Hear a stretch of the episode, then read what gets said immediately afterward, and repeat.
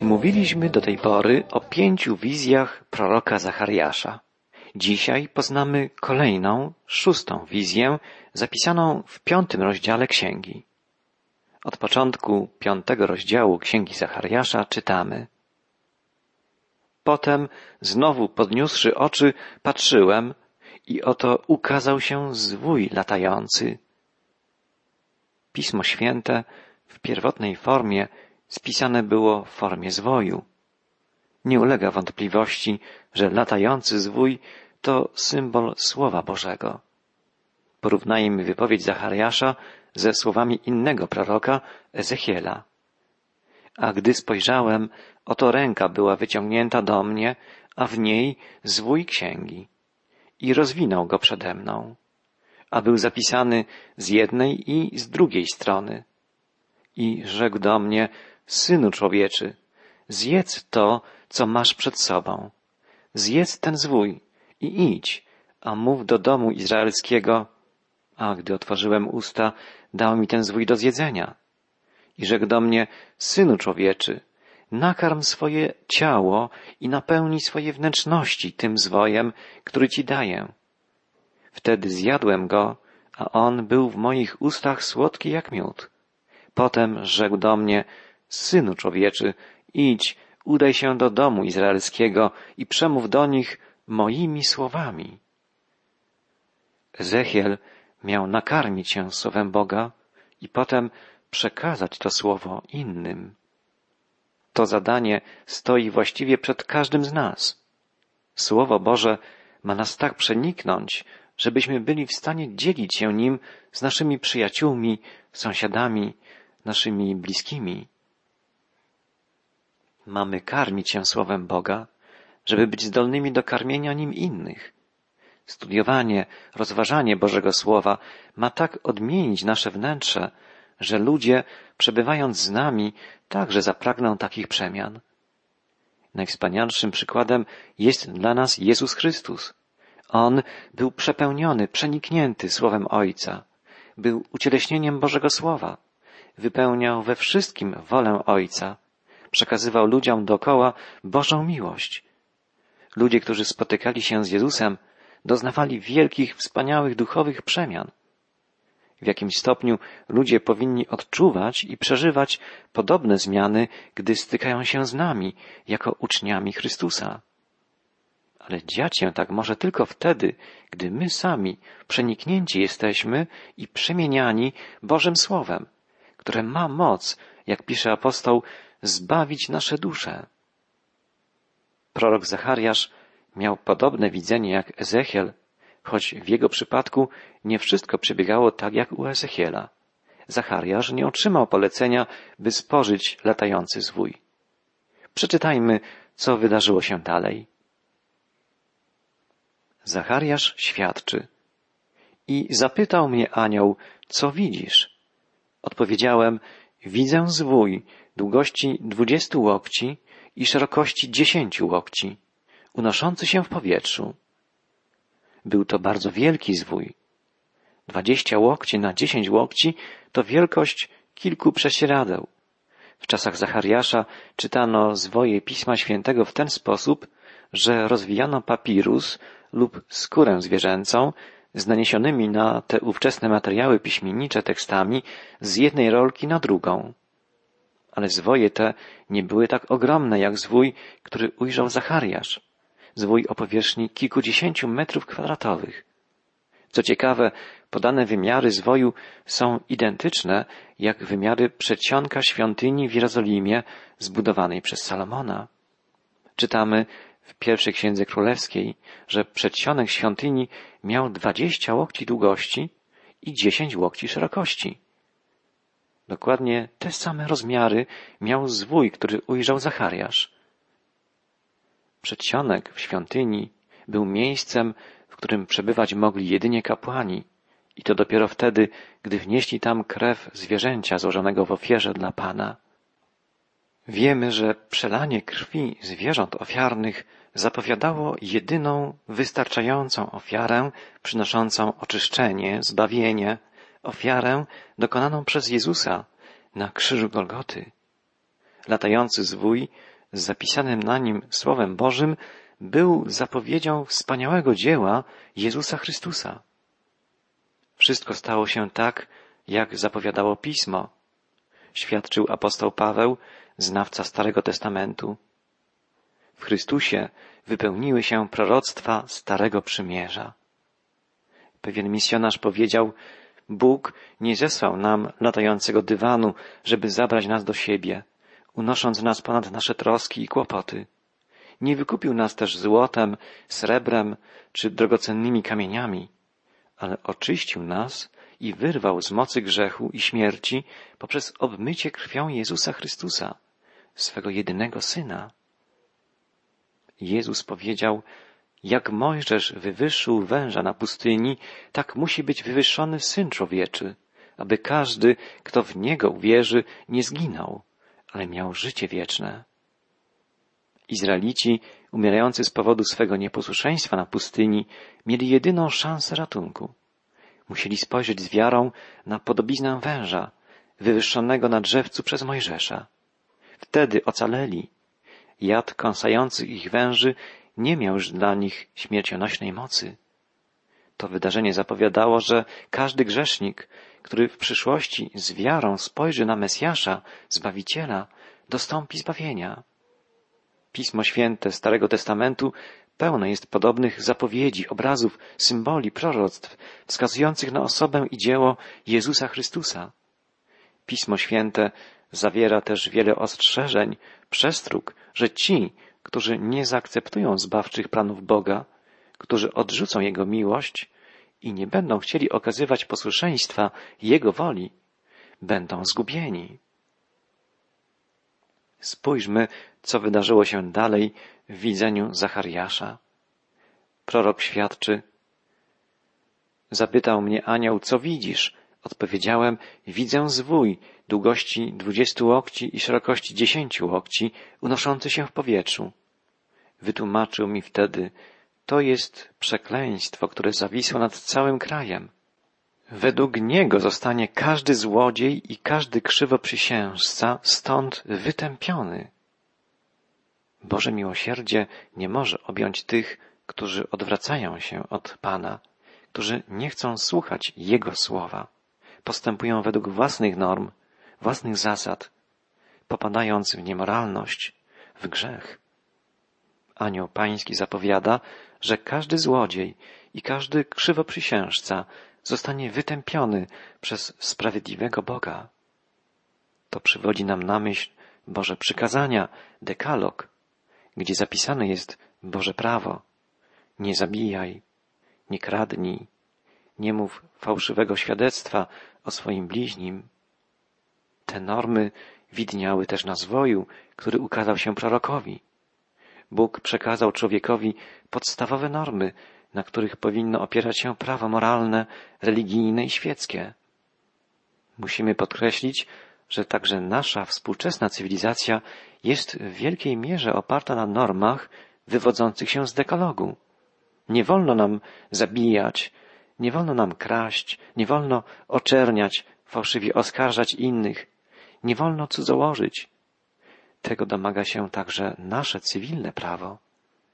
Rzecz w tym, że stale przekraczamy normy prawa, łamiemy prawo, zarówno Boże prawo, zapisane w Piśmie Świętym, jak i świeckie, cywilne prawo, czego dowodzi stale rosnąca fala przestępczości w naszym kraju i na całym świecie. Podobnie niestety było w czasach współczesnych Zachariaszowi. Dlatego Bóg zapowiedział, że nad krajem zawiśnie przekleństwo. Wizja proroka Zachariasza oznacza, że nadchodzi czas, kiedy Bóg dokona moralnego oczyszczenia swego ludu. Możemy zapytać, kiedy to się stanie? Odpowiedź będzie trojaka. Na pewno Bóg dokona moralnego oczyszczenia ludu ludzkiego za dni Zachariasza. Bóg sprawi poprzez proroctwa Zachariasza i Aggeusza, poprzez działanie Zrobabela, Ezdrasza, Nehemiasza, iż nastąpi oczyszczenie ludu izraelskiego, który dokona dzieła odbudowy zniszczonej Jerozolimy. Będzie to zapowiedź innego, nadchodzącego oczyszczenia, które dokona się wtedy, gdy w Jerozolimie pojawi się Mesjasz.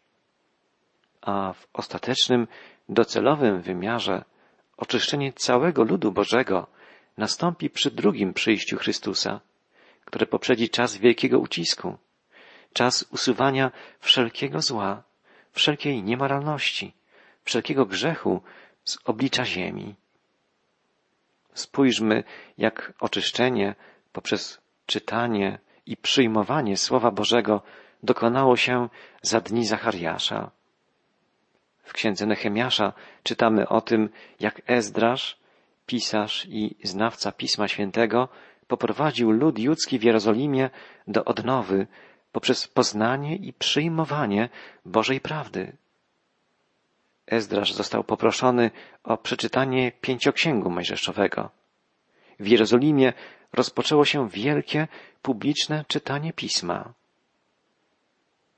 Przyniósł więc Ezdrasz, kapłan, prawo na zgromadzenie. Czytamy w ósmym rozdziale Księgi Nehemiasza. Na zgromadzenie złożone z mężczyzn i kobiet, wszystkich, którzy mogli słuchać ze zrozumieniem. A było to pierwszego dnia siódmego miesiąca. I czytał z niego na placu, który był przed bramą wodną, od samego świtu aż do południa wobec mężczyzn i kobiet, tych, którzy mogli zrozumieć. A uwaga całego ludu była skupiona na treści prawa. Mężczyźni, kobiety, a nawet dzieci, rozumiejące już słowo czytane, słowem wszyscy świadomi Izraelici zebrali się na placu przy bramie wodnej, żeby słuchać słów Bożego prawa, czytanego przez Ezdrasza. Czytanie rozpoczynało się o poranku i trwało do południa. Trudno wyobrazić sobie dzisiaj wielotysięczny tłum zgromadzony w jednym miejscu, słuchający przez kilka godzin słów Biblii. Nie zapomnijmy, że ludzie ci mieli mnóstwo pracy do wykonania. Większość z nich nie miało jeszcze odbudowanych domów. Ale Izraelici byli spragnieni Bożej prawdy. Przez kilkadziesiąt lat nie słuchali słów Bożej Księgi i teraz odczuwali prawdziwy głód Bożego Słowa.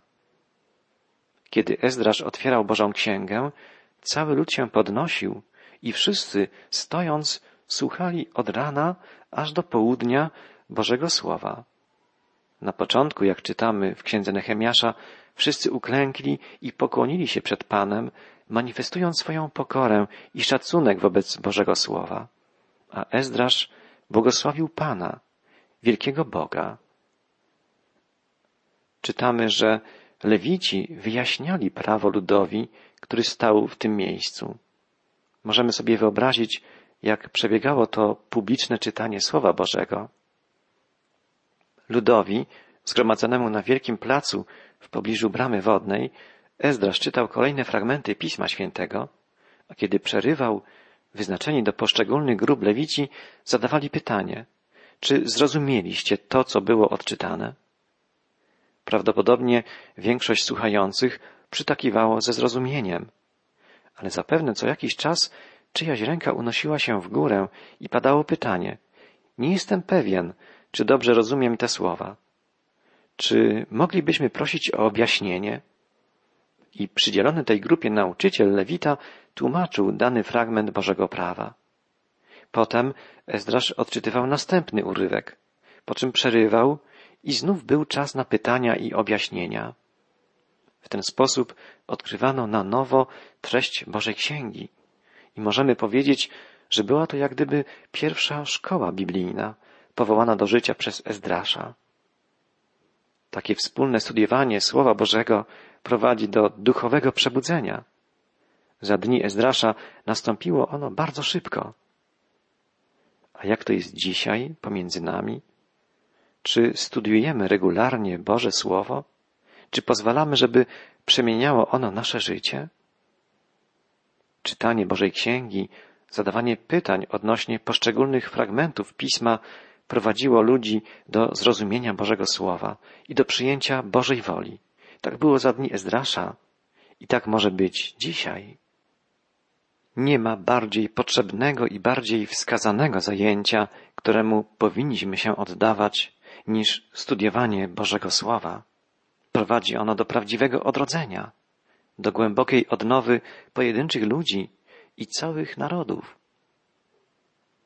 Czytamy, że Nehemiasz, który był namiestnikiem, oraz Ezdrasz, kapłan i pisarz i lewici, którzy objaśniali lud, rzekli do całego ludu, dzień dzisiejszy jest poświęcony Panu, waszemu Bogu.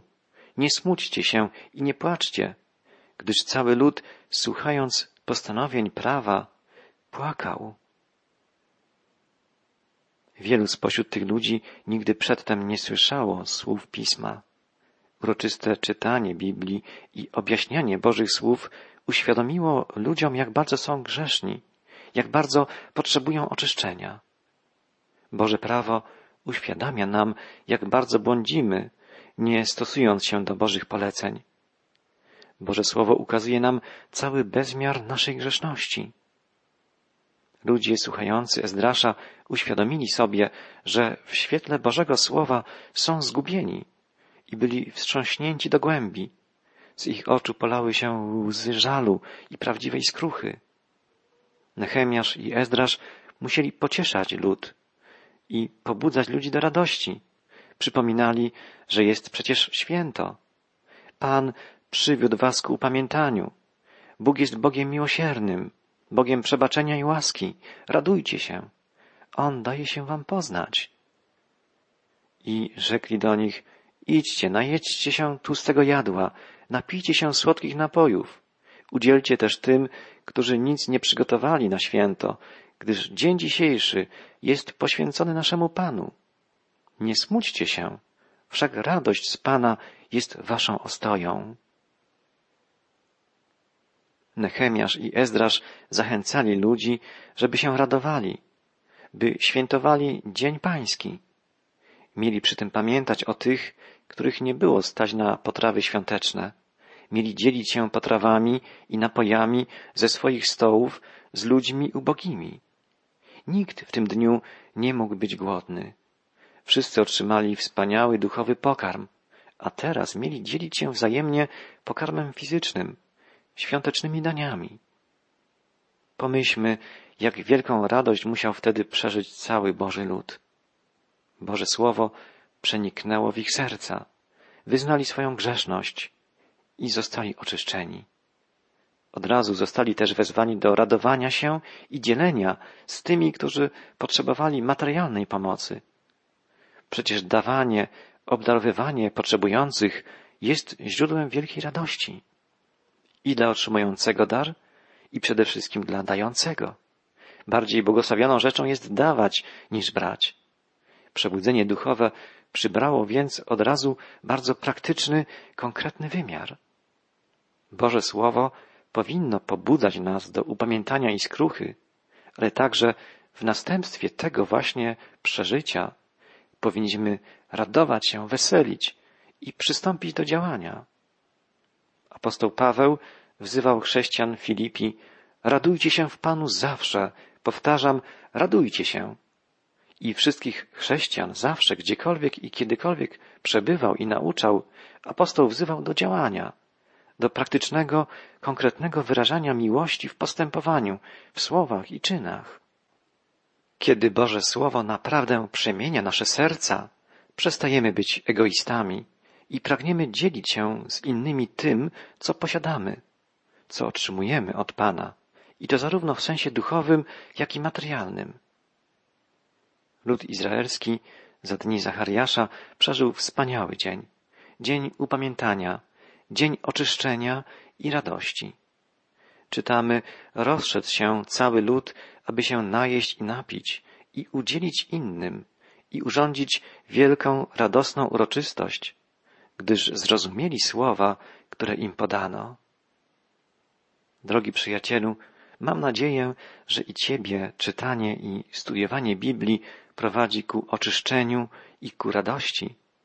Bóg pragnie, żeby nasze życie było życiem radosnym, życiem spełnionym. Jan, pisząc swój pierwszy list apostolski, podkreślał, to wszystko napisałem wam, żeby wasza radość była zupełna. Pan Jezus powiedział, że przyszedł po to, by dać nam życie obfitujące, życie radosne.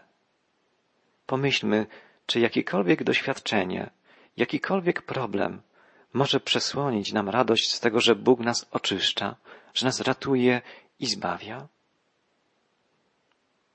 Kiedy ktoś naprawdę otwiera serce dla Bożej prawdy, pragnie ciągle na nowo i coraz głębiej poznawać Boże Słowo.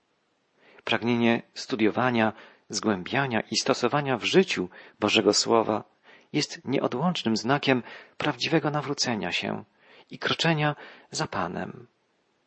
Bóg pragnie dokonać przemiany, oczyszczenia swego ludu poprzez swe słowo. W Piśmie Świętym czytamy wielokrotnie o obmyciu słowem, o kąpieli odrodzenia poprzez słowo.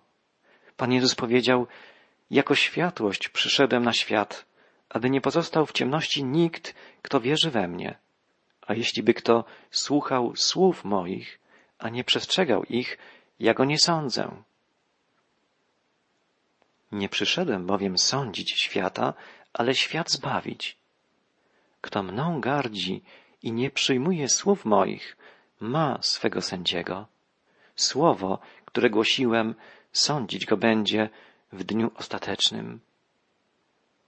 Nie zapominajmy, że Słowo Boże będzie tym miernikiem, według którego ocenione zostanie nasze życie. Spójrzmy, jak kończy się wizja Zachariasza. Boże Słowo, ukazane w postaci latającego zwoju, dokona sądu nad grzesznikami. Pozwolę mu działać, wyrocznia Pana zastępów, a spadnie ono na dom złodzieja i na dom tego, kto fałszywą przysięgą bezcześci me imię. Wtargnie do wnętrza i w zamieni bramy i mury. Ostateczne oczyszczenie z grzechu dokona się w czasach mesjańskich. Wtedy usunięci zostaną wszyscy ci, którzy nie chcieli przyjąć Bożego Słowa. Mesjasz, Chrystus, zaprowadzi swe sprawiedliwe rządy na całej ziemi. Wszyscy, którzy będą żyć w Jego Królestwie, zostaną przemienieni. Boże Słowo wypisane zostanie, jak zapowiada prorok Jeremiasz, w ich wnętrzu, w ich sercach. Wyglądajmy ku czasom mesjańskim. Nadejście Chrystusa jest bliskie. I już teraz pozwólmy, by Jego Słowo przemieniało nas i przygotowało do Królestwa Wieczności.